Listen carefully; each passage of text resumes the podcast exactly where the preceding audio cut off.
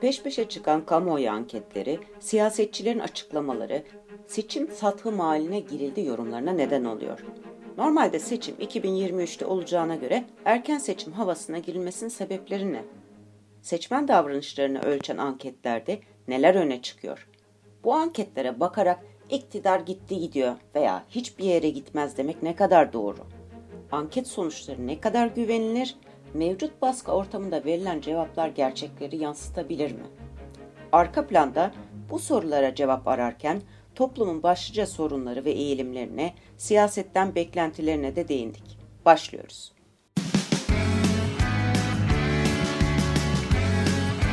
Oku, dinle, izle. Kısa Dalga. Merhaba ben Mehveş Evin. Farkındasınızdır erken veya baskın seçim tartışmaları aldı başına gitti. Normalde genel seçim için açıklanan tarih Haziran 2023. Fakat Türkiye her an seçim olabilir havasına girdi bile. Muhalefet partilerinin tamamı bir yılı aşkın zamandır erken seçimi telaffuz ediyor, bastırıyor.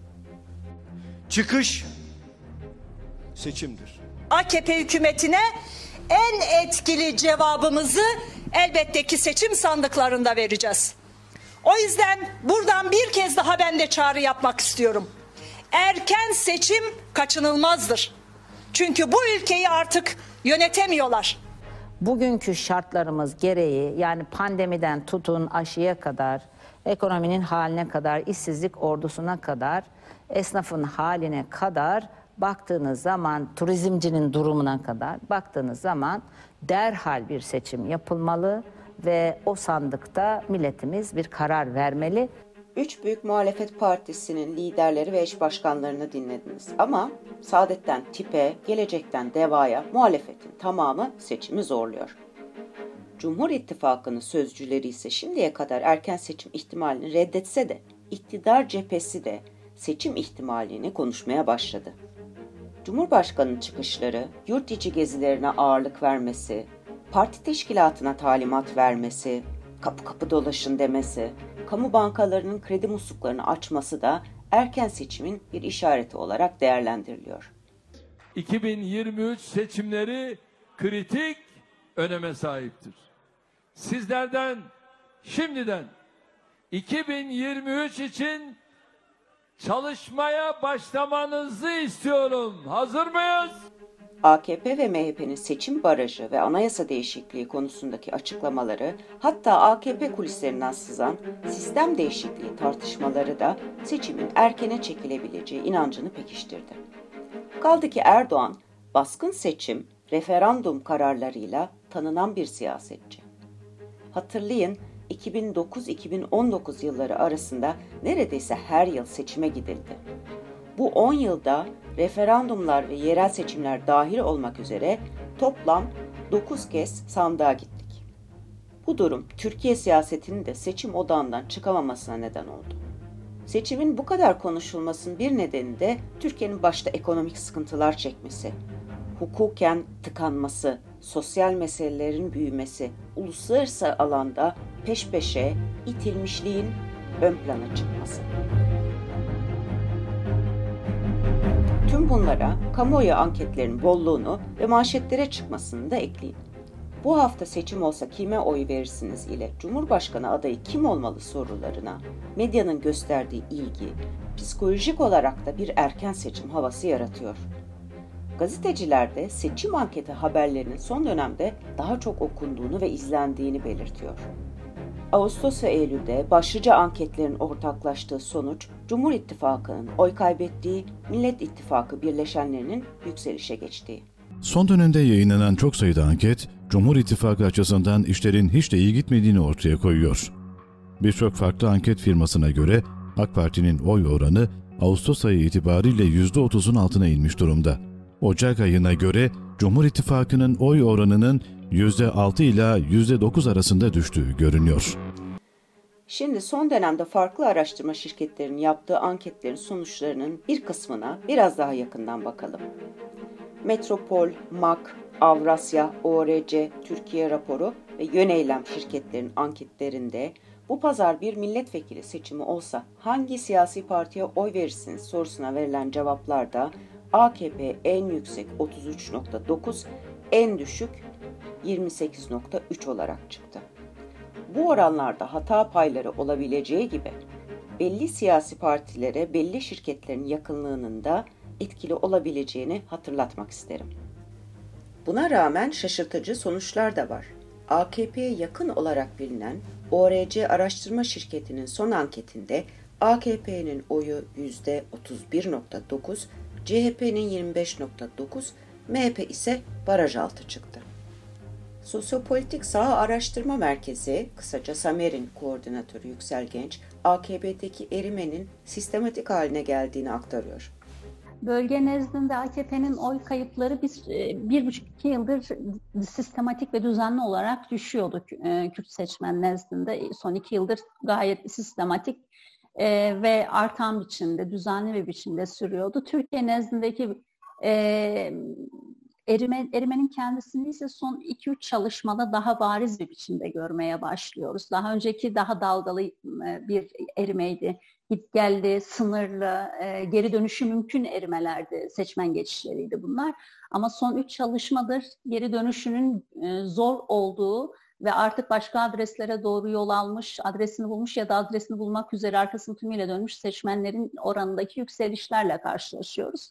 Bizim son yaptığımız çalışmada örneğin AK Parti e, ortalama 10 yüzde on buçuk kadar bir oy kaybı yaşıyor.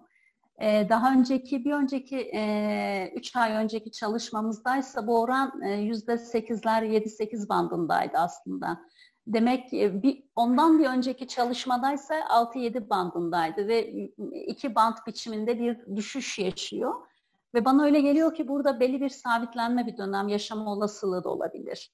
Ama bizim son üç e, çalışmadır, üçer ay arayla yaptığımız Türkiye genel çalışmalarında erimenin e, istikrarlı bir biçimde sürdüğünü görüyoruz. E, buna paralel olarak aslında ilk ölçümlerde AKP oy kaybettiği halde Millet İttifakı'nı oluşturan muhalefet partilerinin oylarının çok da değişmedi, çok da yükselmediğini ölçüyorduk ama son iki çalışmadır muhalefet partilerinin oylarında e, gözle görülür, belirgin bir kıpırdama olduğunu, artış olduğunu, özellikle CHP'nin oy, oylarında son bir e, son ay içerisinde, e, Ağustos sonrasında ciddi bir e, hareketlilik olduğunu, e, artış olduğunu görmeye başladık. Bu önemli. Daha önce e, iktidar partisinden doğru kararsızlaşmış ya da ilk defa oy kullanacak e, genç seçmen açısından adres muğlak iken giderek adresin netleştiğini bu, bu son çalışmada özellikle gö gördük.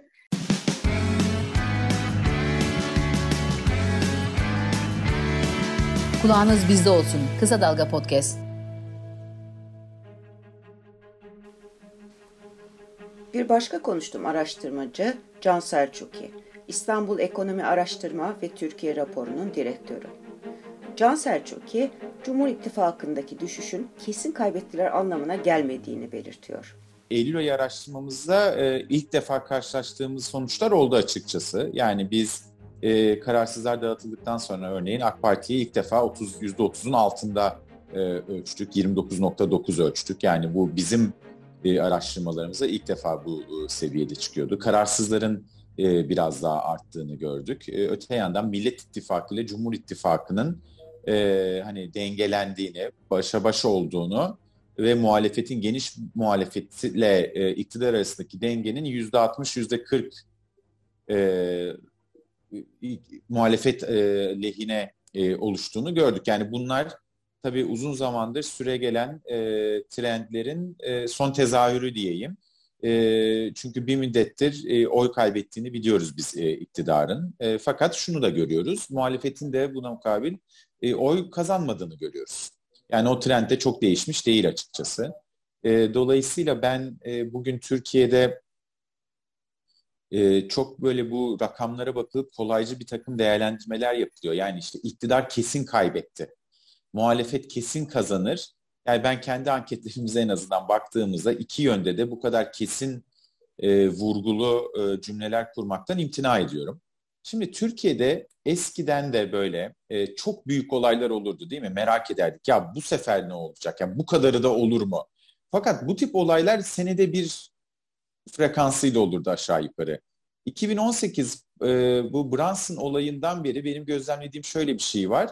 Bunun olma sıklığı yani bu kadar da olur mu? Ya bu iş nasıl olacak diye sorduğumuz olayların olma sıklığı çok fazla artmaya başladı.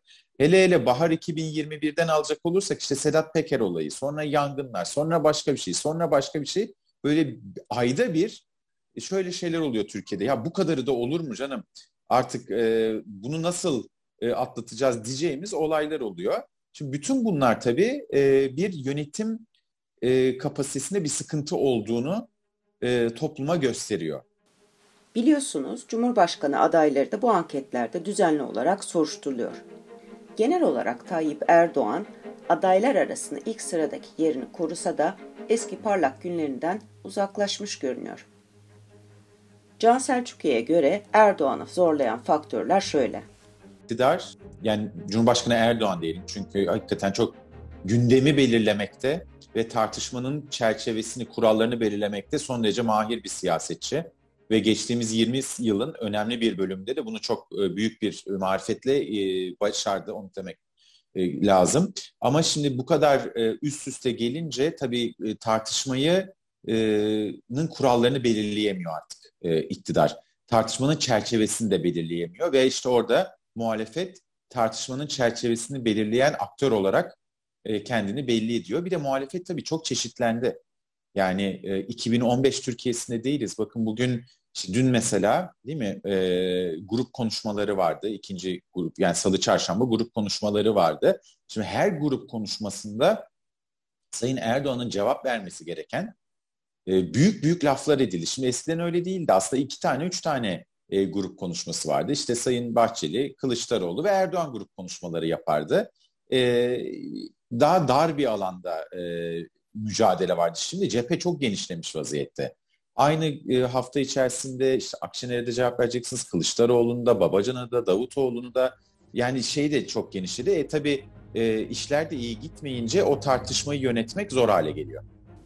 Konda şirketinin yönetim kurulu başkanı Bekir Ağırdır, T24'te Murat Sabuncu'ya Erdoğan'ın inandırıcılığını yitirdiğini şöyle anlatıyor. Samimi ve sahiciliği yani muhalif olanları katılır katılmaz ayrı ama inandırdığı kitlesi üzerinde samimi ve sahici algısı vardı. Ama bu felaketlere verdiği tepkiler yani işte Metin Lokumcu'nun hani 10 sene önce bu vesileyle yeniden ortaya çıktı. Bir takım videolar öldürülmesinde Ruşen Çakır'ın sorusuna bile hani neredeyse e, normalleştiren ya da doğallaştıran süreci diliyle bugün çay atma arasında bütün o o gün belki daha sahici görünüyordu insanlara ve kitlesine. Ama bugün bütün bunlar tekrarlana tekrarlana artık o sahicilikten daha plastik suni bir görünüme doğru kayıyor. Şimdi bu dolayısıyla hemen bugün ankete yansıdı da 3 puan kaybetti, 5 puan kaybetti demek mümkün değil. Böyle de çalışmıyor evet ama toplumdaki o inandırıcılığını yitiriyor olduğu ve bunun uzun vadede Erdoğan'ın ve AK Parti'nin ya da iktidarın e, aleyhine olacağı açık. AKP ve Erdoğan'ın oy kaybının sebeplerine dair Samer'in koordinatörü Yüksel Genç'in çok çarpıcı bir gözlemini aktaralım. AKP'de e, aslında geriye gidiş şanları Kürt seçmenin geriye çekilişiyle çalmıştı ama esas ikinci büyük e, çanlar kadın seçmen konusunda olacak. Çünkü biz çok uzun yıllar AKP'nin en önemli seçmen, en yüksek seçmen kitlesinin kadınlar olduğunu ölçüyorduk. Ama son iki çalışmada kadın seçmen oranında düşüşler hala ciddi bir kadın kitlesi elbette veriyor ama e, düşüşlerin de kadın seçmenden doğru oluşmaya başladığını e, görebiliyoruz. Bu önemli. AKP için kadın seçmen bir tür omuzlayıcıydı çünkü. E, bu önemli. E, kadın seçmenin özellikle bu kadar çok e, eri erimeye başlaması ve uzaklaşma ihtiyacı duymasının nedeni hem bu genel konjonktürle ilgili ama yoksulluktan kadın herkesten çok daha fazla etkileniyor. AKP ile ilgili e, daha önce şöyle bir şey vardı. AKP e, kadın seçmen, kadınlara çocuk parası, okul parası adı altında inanılmaz cüzi olmakla birlikte bir miktar para veriyordu ve hayatı boyu parası olmamış kadın için her ay o küçük miktar onu değerli hissetmeye yol açıyordu. Şimdi o paranın kendisine yetmediği gibi gelemeyeceğini, kriz içinde gelemeyeceğini de fark ediyor. Dolayısıyla e, ikinci kategori olarak kadın seçmenin eriyor olması AKP açısından en büyük tehlike bana kalırsa. Şunu belirtmekte fayda var. Kararsızlar ve cevap vermeyenlerin arasında ki son zamanlarda Türkiye'nin e, otoriter, baskıcı, korkutucu ortamı yüzünden e, kararsız olanların, cevap vermeyenlerin oranları epeyce yüksek çıkıyor. İşte bu gruplarda kadınlar önemli bir yere sahip. Araştırmacılar önümüzdeki seçimlerde özellikle şu üç gruba dikkat çekiyor. İlk kez oy kullananlar yani genç seçmen, Kürt seçmen ve kararsızlar. Bunların tabi bazıları bazı kümelerde bitişiyor, kesişiyor. Sonraki podcastimizde hem bu gruplara bakacağız hem de seçmenin verdiği mesajlara en azından araştırmacılara verdiği mesajlara biraz daha yakından bakacağız. Görüşmek üzere. Kısa Dalga podcastleri Demet Bilge Erkasab'ın editörlüğünde Mehmet Özgür Candan'ın post prodüksiyonu ve Esra Baydemir'in hazırladığı görseller ile yayınlanıyor. Kısa Dalga'ya destek vermek için Patreon sayfamızı ziyaret edebilirsiniz.